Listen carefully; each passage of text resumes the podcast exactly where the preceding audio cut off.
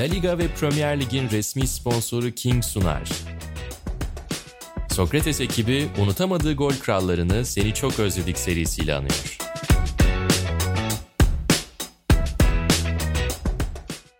Herkese merhabalar. Senin çok özlediğin La Liga versiyonunda 5. bölümle karşınızdayız. Bu bölümde İspanya futbolunun ve Real Madrid'in önemli isimlerinden birini ağırlayacağız. Raul Gonzalez.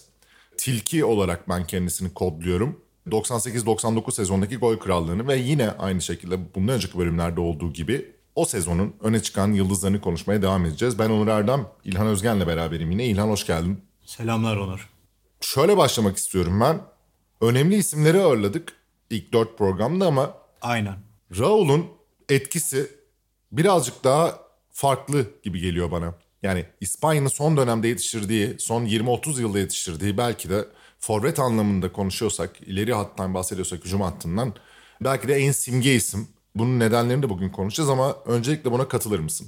Tabii seninle bir ufaktan değinmiştik daha önce yanlışım yoksa.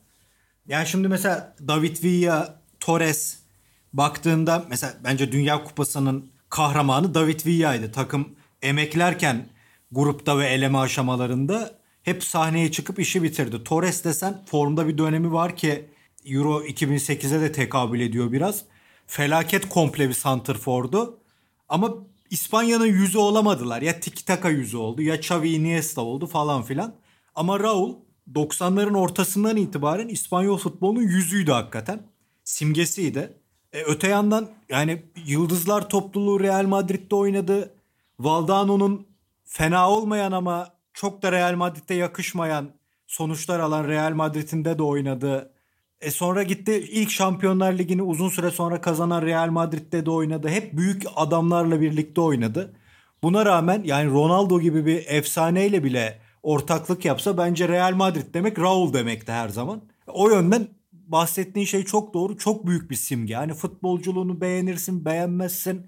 Çünkü bu golcülere stiller herkese hitap edecek diye bir şey yok. Ben onu ya ben Vieri'nin stilini Shevchenko'dan daha çok severim dediğimde linç edilmiştim ama bu zevk meselesidir.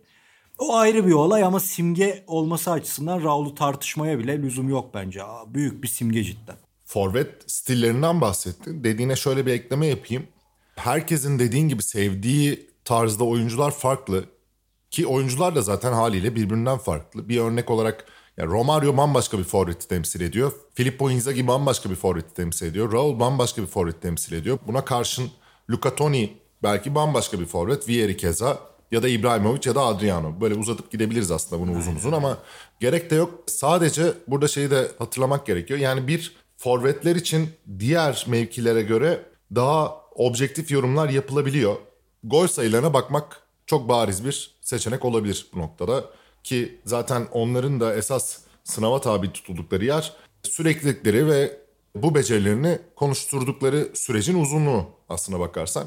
O yüzden de bugün çıkıp birisi sana Filippo Inzaghi berbat bir topçuydu diyebilir ama kağıda baktığında aslında öyle olmadığını görüyorsun. Adam işini yapmış ya da ne bileyim çok ekstra inanılmaz bir forvet dediğim bir oyuncu da belki de mesela Balotelli Inzaghi'den daha büyük bir hype oldu. Ama Inzaghi'den bence daha kötü bir forvetti. Hala öyle diye konuşabiliriz aslında. Yani dediğin gibi yani farklı özellikler var. Hani bunu bir orta saha oyuncusu için konuştuğunda birazcık daha subjektif yorumlar devreye girebilir ama hani Raul'un topçu değil diye konumlandırabildiği bir noktada birisinin karşısına çıkıp babacım bunlar da rakamlar kusura bakma diyebileceğim bir durum var. O yüzden hani biz birazcık daha rahat sularda yüzüyoruz sanki. Tabii yani ben onu Signor ne diyor da bir Inzaghi sorusunda söylemiştim. Ben Filippo Inzaghi'yi iki ayrı Inzaghi olarak değerlendiriyorum. Bence Juventus'ta, Atalanta'da gençlik döneminde farklı bir golcüydü. Daha atletik, daha ilginç, repertuarı geniş bir adamdı yani. Farklı bir forvetti. Sonra tırnak içinde beleşçi bir adama dönüştü. Ben o beleşçi Inzaghi'yi izlemeyi sevmiyordum. Bir Milan sempatim olmasına rağmen. Ama biz Bülent Korkmaz'a gittik Atahan'la. Adam oynamadığı forvet kalmamış. Yani Batistuta, Ronaldo, Makay, Raul hepsiyle oynamış. Eli McCoist falan filan. Her şey var babanın şeyde Bülent Korkmaz'ın kariyerde. Ama adam dedi ki benim en korktuğum forvet Inzaghi'ydi. Herifin nereden çıkacağı belli olmuyordu. Onun için bahsettiğin şey çok doğru yani bu. Bunlar e, bazı gerçekler var futbolda. Sen adamı sevmiyor olabilirsin ama herif de işte koca Türk futbol tarihinin en büyük kariyerlerinden birini de bu kadar korkutmuş sahada olduğu süre boyunca. Bu arada sen Batistuta, Mackay, Ronaldo diye girince aklıma Nihat Kahveci geldi o isimleri saydığı video. Ama ona daha var. Nihat'a daha var. Biz şu anda. Real'dayız. 98-99 sezondayız. Dilersen ben sezonun geneliyle alakalı birkaç bilgi vereyim. Barcelona bu sezonu şampiyon tamamlıyor 79 puanla. Real Madrid 68 puanla ikinci. Mallorca 3. sırada 66 puanla ki Kupa Galipleri Kupası'nda final görecekler bu sezonun sonunda. Valencia 65 puan, Celta Vigo 64, Deportivo 60 diye gidiyor. Burada benim dikkatimi çeken, Raul'a geleceğim ama sezona dair benim dikkatimi çeken şöyle bir detay var. Real Madrid 77 gol atıyor. Ligde en çok gol atan ikinci takım 87 ile Barcelona'dan sonra ki ondan sonraki 70'leri gören başka takım da yok ama aynı Real Madrid sezonu 62 gol yiyerek tamamlıyor. Yani ben şampiyonluk yarışındaki bir takımın 62 gol yiyerek ligi ikinci bitirdiği çok fazla sezon hatırlamıyorum ki 62 gol şu demek 5 tane maçta sadece clean sheet yapabiliyorlar. Gol yemeden maçı tamamlayabiliyorlar. Ve ligde Real Madrid'den daha fazla gol yiyen 20 takım içerisinde sadece 4 takım var. Bunların 3'ü 63 gol yemiş. Bu Real Madrid maçlarının zevkli geçtiğini söyleyebiliriz yani bu açıdan seyir zevki açısından bayağı hani gollü bir performans var ama bir taraftan da korkunç bir savunma attı ve korkunç bir takım savunması çizdiğini de söylemek lazım ki kalede Bodo Igner var. O sene ertesi sezon yerini Casillas'a bırakacak. Savunma hattında Roberto Carlos, Sanchez, Panucci ve Hierro var. Burada da ertesi sezon Ivan Helguera ile Michel Salgado'nun katılımı var. Aslında kaleciyi de katarsak 5 kişilik savunma hattında 3'ünün bu rezil performans sonrasında ertesi sezon değiştiğini görüyoruz ki Real Madrid'e büyük ihtimalle şampiyonluğu kaybettiren de burası oluyor. Diğer taraftan da Raul mesela işini yapmaya devam ediyor. Keza Morientes de 4. sırada 19 golle ligi tamamlıyor. Real Madrid'in hücum olarak sorun yaşamadığı ama savunmada döküldüğü bir sezon diyerek pas sana atayım. Tabii savunmada dökülme simgesi de benim gözümde Şampiyonlar Ligi'ndeki Dinamo Kiev eşleşmesidir. Rebro Shevchenko'nun dünya futbolu Ona da gelecektim. armağan olduğu o sene diyelim ki Rebrov'un çok 90'lar başında da takımda olduğunu söylemek lazım. En simgesi de odur. Ama yani Sanchez filan diyorsun. Sanchez burada 500 yaşında filandır artık yani. Baksana hala top oynuyor. Panucci Capello'nun takımdan kalmadır. Carlos genç arkadaşlarımız PES'te onu forvete koyanlar laf ettirmez ama savunma yönü zaman zaman değil çoğu zaman fire veren bir oyuncuydu Roberto Carlos. Yani hücumda insanları hep etkiledi ama ben iddia ediyorum Real Madrid'in o zaman yediği gollere baksak %60'ında falan Carlos'un bir halt yemesi vardır. Biraz o yönü çok dikkate al- almazdı. Kafu misal savunmayı da bence çok dikkate alırdı. Ama Carlos'un biraz lauballiği vardı. Yani Hierro desen evet orta sahadan geriye çekilip top tekniği falan çok özel bir libero stoper diyebiliriz. Ama Hierro'nun da hantallıkları vardı. Pozisyon sıkıntıları vardı. Yani orta Yavaştı sahada- bir kere. Tabii canım defansif adam Ivan Campo var. Allah muhafaza nasıl oralarda top oynadı ben hala şaşırırım. Yani ilginç bir takımmış. Takım genelinde zaten saydığımız adamların dışında hani savunmaya dair bir fikri olan diyeyim. tek kişi Fernando Redondo. Yani onun dışında ne Karembö'nün, ne Guti'nin, ne Yarni'nin, ne Seedorf'un. Hani Seedorf'u bir tık daha ayırayım belki de yani genel iyi takım savunması yapan bir takımın içerisinde Seedorf rolünü yapabilecek bir pozisyonda oyuncudur da. Tabii. Yani bu yapının içerisinde Seedorf'tan da çok verim al- alabileceğini düşünmüyorum. E zaten ilerideki isimler Raul, Savio, Morientes, Mijatovic, Şuker. Yani çok iyi bir hücum attı isim isim baktığında ama buradaki isimlerin hiçbirinin savunma katkısı yok neredeyse. Yani Allah'la baş başa bir Bodo Igner görüyorum ben genel olarak kalede. O da zaten 31 yaşındaki Igner'de hakkını vermiş yediği gollerle. Tam bir toşak çılgınlığı olmuş takım yani. Hani Ya klasik Toşak dedin. Tabii yani Toşak devre arasında da geliyor bu takıma. Ama yani geldikten sonra en ufak katkısı yok. Hidding'le başlıyor da zaten rezil bir sezon aslına bakarsan. Hani o açıdan savunma adına koca. Ya ikinci bitirmişler vesaire falan da. Yani Toşak da geliyor. Zaten ertesi sezon işte Balit, Jeremy falan filan geliyor zaten takıma da. Garip bir Real Madrid aslında. Aynen. Yani Raul sezonun kazananı olmuş diyelim ya. Ama Onur bu Real Madrid'i de keyifle izliyoruzdur yani büyük ihtimalle. Türkiye'de biliyorsun Real Madrid'in hep bir pazarı oluyordu. Hani Real ne takım belki Raul için bile gene çok izlenen takımlardan biriydi yanlış hatırlamıyorsam yani. Baba bu takımı nasıl zaten yani keyifle izlemeyeceksin ki? Yani şöyle söyleyeyim sana maçlara bak. 4-1, 2-2, 2-3, 3-4, 2-2, 1-5. İşte 3-1, 3-2, 4-0, 3-1, 4-2 öyle öyle akıyor gidiyor. Hele yani sezonun sonlarına doğru iyice musluk açılmış. 3-2, 3-1, 2-3, 2-1, 3-1, 3-1 falan filan. Şampiyonlar Ligi'ne bakıyorum abi. Grup maçlarına 6-1, 1-5, 3-1, 2-1. Yani üstçüleri güldüren bir Real Madrid tabii ki seyir zevki veriyor yani. Tabii burada bir de o sezonki Real Madrid'in biraz önce küçükten bir girdik ama Şevçenko'yu da dünya futboluna armağan ettiğini de söylemek lazım. Tabii. Şampiyonlar Ligi çeyrek finalinde içeride 1-1 berabere kalıyorlar Kiev'le. Golü atan Şevçenko, dışarıda 2-0 yeniliyorlar. Golleri atan Şevçenko. Oradan çeyrek finalden çıkan Dinamo Kiev bir üst turda Bayern Münih'le eşleşiyor. İlk maç içeride 3-3. 2 gol Şevçenko. Öyle öyle yani Şevçenko'nun dünya futboluna merhaba dediği sezonda bu. Real Madrid'in de bu konuda bayağı bir çabası olmuş. Aynen bu öyle. katkıda. Çok büyük bir sükse yapmışlardı ya ikisi de. Buradan şeye bağlayacağım. Barcelona'ya şöyle kısaca bir değineyim. Burada oradan tekrar Raul'a döneceğim de şampiyondan çok konuşmadık diye söylüyorum. 79 puanla şampiyon oluyorlar. 87 gol atıyorlar. Zaten Rivaldo gol krallığında 24 golle ikinci sırada. Onun dışında Kluivert var 15 golle.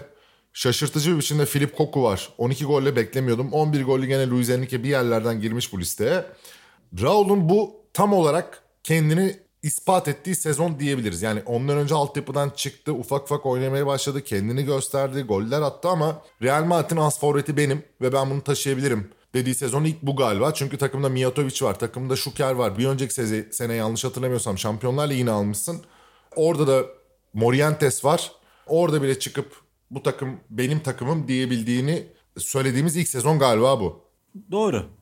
İlk süksesini de burada yapmış. Raul'la ilgili ya başta açarken de söyledim. Yani Raul deyince benim aklıma böyle tilkilik, böyle bir sinsilik.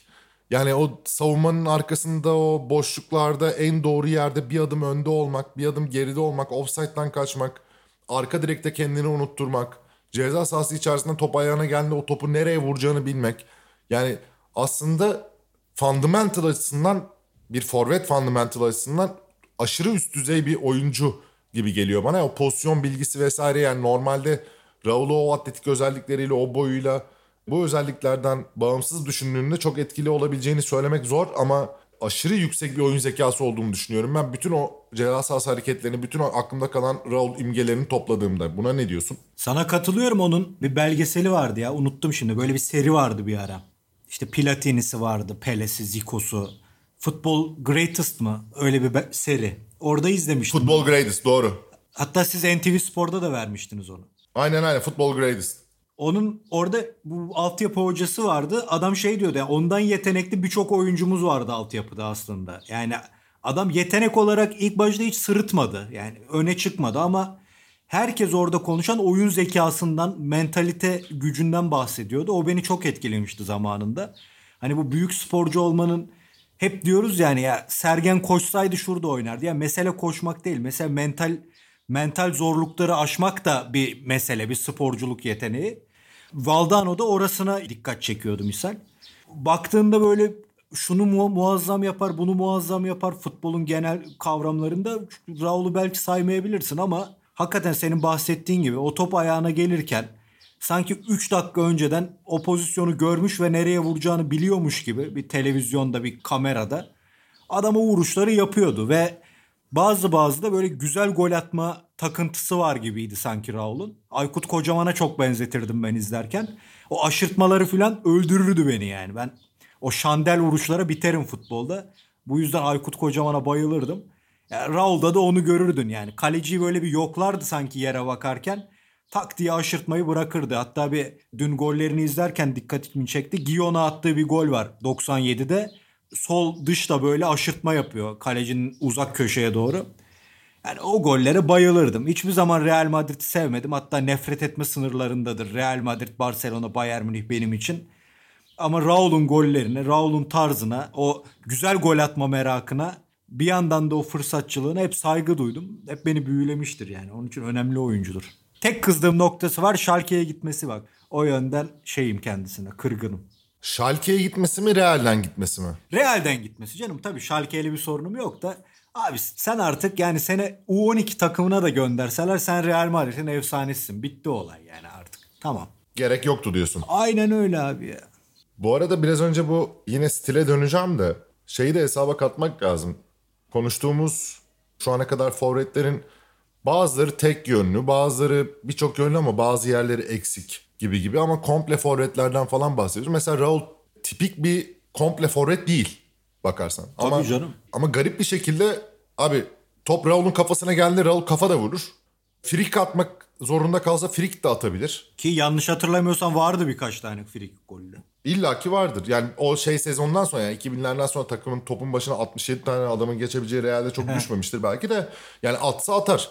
Oyuncu geçebilir, dripling yapabilir, plase vurabilir, sertte çıkartabilir. Yani aslında adamın bir repertuarı var. Yani gerektiğinde onları kullanabilecek özelliklere sahip. Yani ben Raul'un top, kafa topuna çıktığını, adamın üzerinden vurduğunu çok hatırlamam ama kendini o unutturma kavramı üzerinden söylediğimizde yani öyle bir pozisyon alıp öyle bir yerde bir topla baş başa kalıyor ki yani orada kafayla vurmak gerekirse topu nereye atması gerekirse onu da becerebilen bir topçu. Yani aslında gizli bir komple forvet kavramına da uyabiliyor sanki.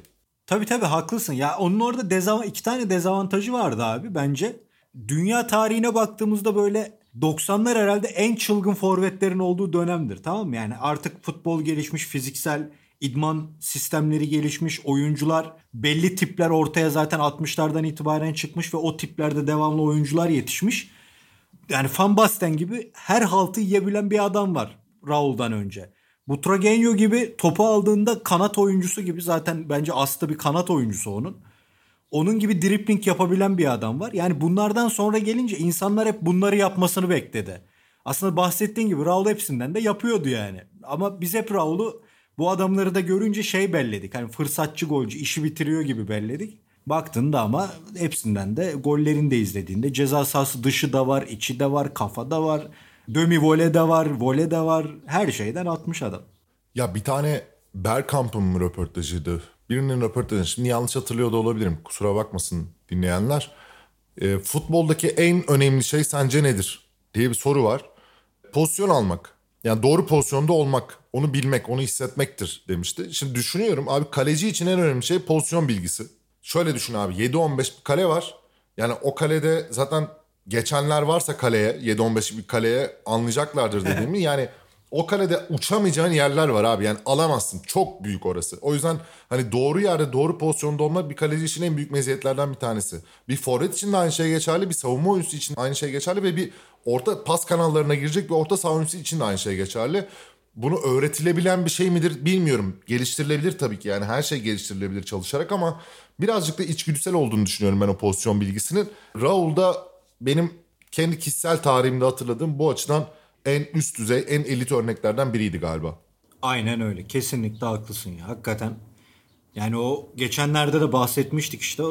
Yani top gelirken o sol ayağa sanki bütün paslar milimetrik atılmış gibi hissediyordun. Yani öyle bir pozisyon alıp doğru vuruşu yapıyordu ki özel oyuncuydu ya. Ya bence tek bahtsızlığı İspanya'nın çok şey döneminde oynaması. Yani her dönem onlardan bir iki gömlek üstün bir 4-5 takım oluyordu Avrupa'da. O dönemde oynaması abi milli takım başarısızlığı etkiledi onun kariyerini. Zaten İspanya'nın hala ve hala loser kabul edildiği dönemler aslında Raul'un kariyerine devam ettiği dönemler. İşte İspanya onu ufak ufak yavaş yavaş kırmaya başlıyor. Zaten işte 2008 ondan sonrası malum. Ama Raul'un evet yani İspanya'nın o İngiltere ile beraber daimi loser kabul edildiği dönem ki bunun da hakkını verdiler yani birçok kupada. Tabii bir, bir 2002 vardı çok iyilerdi. Orada Kore zaten hakemlerle önce İtalya sonra İspanya gitmişti bayağı yani. Orada iyiydi İspanya ama ne olurdu onu da bilmiyorum yani. Çeyrek finale hakem İspanya'yı da tutsa gene de elenebilirlerdi. Hakikaten ilginçti İspanya o zaman. Buradan sezona dönüyorum. Şu açıdan garip bir sezon.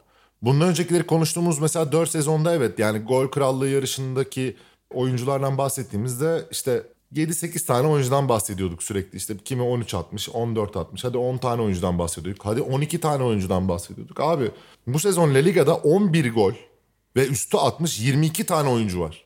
Yani bu çok denk gelen bir istatistik olduğunu düşünmüyorum ben. Çift taneli yani 11 hatta 11'den baz alırsak 11 gol ve üstü atmış 22 futbolcunun olduğu bir lig ben çok hatırlamıyorum. Bu açıdan da gayet böyle demokratik bir sezon olduğunu söyleyebiliriz. Yani ha- hakların eşit dağıtıldığı falan. Burada bir isim gördüm. Kahraman Özgen'e selam göndermem lazım. Deli Valdes. Deli Valdes. Kahramanın böyle garip adamları vardır. Onlardan biriydi. Onur bir de bence bu sezonu şöyle almak lazım hele. İspanyol futbolu 2000'lerin ortasından itibaren bence yani İngiltere, Almanya filan fasafiso yani yok Almanlar devrim yapmış da yok onu başa geçirmişler de bunu şunu yapmışlar da dünya futbolunda İspanya bence bahsedilecekse 20 yıl sonra İspanyol futbolundan bahsedilecek. Hem milli takımlarda hem de kulüplerde yani İtalyanlar nasıl Kupa 2'ye, Kupa 3'e 80'lerde 90'larda acayip takımlarla hükmettiyse İspanyollar da UEFA ve Şampiyonlar Ligi kalmıştı artık o dönemde. İkisine de acayip bir hüküm sürdüler. Aynı zamanda Dünya Kupası Avrupa Şampiyonası'na. Bence fitilin yakıldığı dönem tam da bu seneler. Yani bakıyoruz Deportivo çok korkunç bir takımdı. Valencia öyleydi. Mallorca aynı şekilde. İşte mesela zaman zaman Celta Vigo kafasını çıkarırdı. Villarreal bir ara piyasaya çıktı. Yani Riquelme o penaltı atsaydı belki finale gideceklerdi. Aynen. E, baba Sociedad. Aynen öyle. Sociedad geldi. Ondan sonra Bilbao var. aynen Barcelona'sı zaten buralarda pek iyi değildi ama Real Madrid gene finalini yapıyordu, kupasını alıyordu.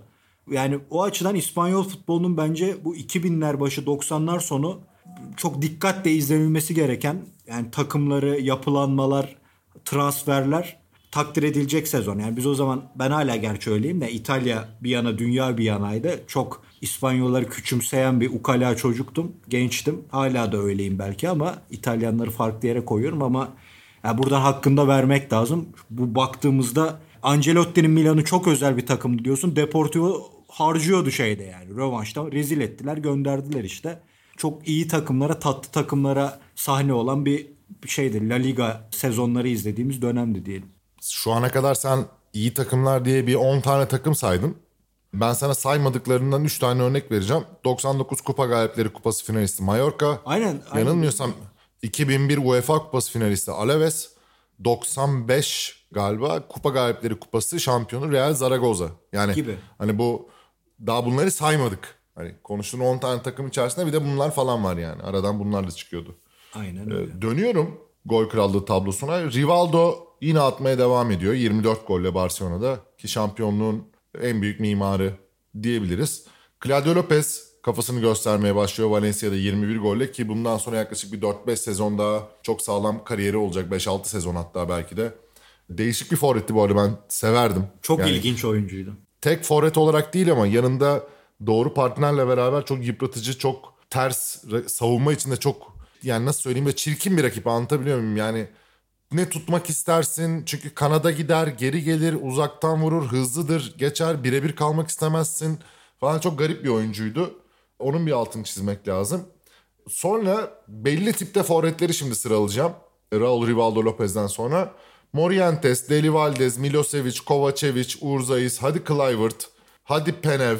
Pe, hadi Penev değil Penev. Tabii Penel. Ya Maka'yı birazcık ayırırım. Turu Flores'i hatırlamıyorum. Ona girmeyeceğim ama mesela onların altındaki 8 forvette direkt böyle nokta forvet, pivot santrifor tipine uygun oyuncular ve hepsi ayrı takımlarda. İşte sayıyorum. Real Madrid'de bir tane var. Oviedo, Zaragoza, Sociedad, Bilbao, Barcelona, Deportivo, Tenerife, Celta Vigo. Hatta Craioveiano'ya kadar da gitti yani Villarreal, Villarreal. Yani bir taraftan da hani lig bir forvet ister. Belli, yani Türkiye Ligi'nde abi şu herif Türkiye Ligi'nde çok iyi iş yapar. İşte ne bileyim şu herif İtalya'da iş yapar. İspanya'nın herhalde o zaman geçer akçesi bu tarz forvetlermiş gibi geliyor bana. İlginç yani cidden ya şey tam 70'ler çamur İngiltere forvetleri bunlar yani 70'li yıllarda çamurla kaplı o zeminlere koy bunları Nottingham Forest'a filan boğuşsun dursunlar yani oyuncu tipleri o bu adamların bilmeyen arkadaşlar için. Geçen de bir sezonda dikkatimizi çekti bu kule forvetler. İşte Claudio de Lopez'i bunların çevresine koyacaksın. Uydu gibi gezecek böyle. Bela olacak başına. Çiçek gibi. Aynen. Aynen öyle. E, Çok güzel dedin onu. Keşke Lazio batmasaydı da Crespo ile Claudio Lopez'i sağlıklı bir yapının içinde izleyebilseydik. Yani o Veron'ların, Simone'lerin, Almeida'ların, Nedved'lerin dağılmadan Nesta'ların üzerine koyarak devam ettiği Lazio'da çok çok daha iyi bir performans görebilirdik. Çünkü hemen Lazio'ya gitmişti sonra parlayıp. Claudio Lopez deyince de benim aklıma yani direkt şey geliyor abi. Yılı tam hatırlamıyorum. Beşiktaş'ın Lazio ile oynadığı bir maç vardı. Ha, Lucescu dönemi değil mi? Lucescu dönemi miydi? Evet galiba onlar o dönem oynamıştı. O maçta ben stat'taydım. Abi Lopez bir top oynadı. Yani olacak iş değil ya. Bütün tribün böyle çaresizce Claudio Lopez'in ayağına top geldiğinde bir türlü çaresizliği hissediyordun yani tribünde. Lopez'le ilgili aklımda kalan en önemli şeylerden biri o. Bu arada Deli Valdez dedin. Deli Valdez'le ilgili de küçük bir detay verelim. Türkiye futboluyla, Türk futbol severiyle ilk tanışması da galiba işte bu 96 Galatasaray Paris Saint Germain eşleşmesinde. Aynen yapma Hayrettin. Yapma Hayrettin olarak kayda geçen eşleşmede ki performansı olsa gerek. Buradan garip isimlere bakmaya çalışıyorum. Ya ben hala ve hala Filip Koku'nun nasıl 12 gol attığını çok anlamadım. İlginç geliyor bana. Çok severdim. Yani antrenörlüğü üzmüştür tabii ki insanları. O beni ilgilendirmiyor da futbolculuğuna bayılırdım ama bir golcü oyuncu değildi. Daha çok jokerdi. Sol bek oynar, sol iç oynar, ön libero oynar. Bu sezonda golcülüğe soyunmuş herhalde. O zaman bu sezonu kapatıyoruz. Raul'a da buradan selamımızı çakmış olalım. 98-99 La Liga sezonunu ve Raul Gonzalez'i konuştuk 5. bölümümüzde. 6. bölümde yine ben Onur Erdem, yine İlhan Özgen'le beraber La Liga ve Premier Lig'in sponsoru King'in katkılarıyla karşınızda olacağız. Görüşmek üzere.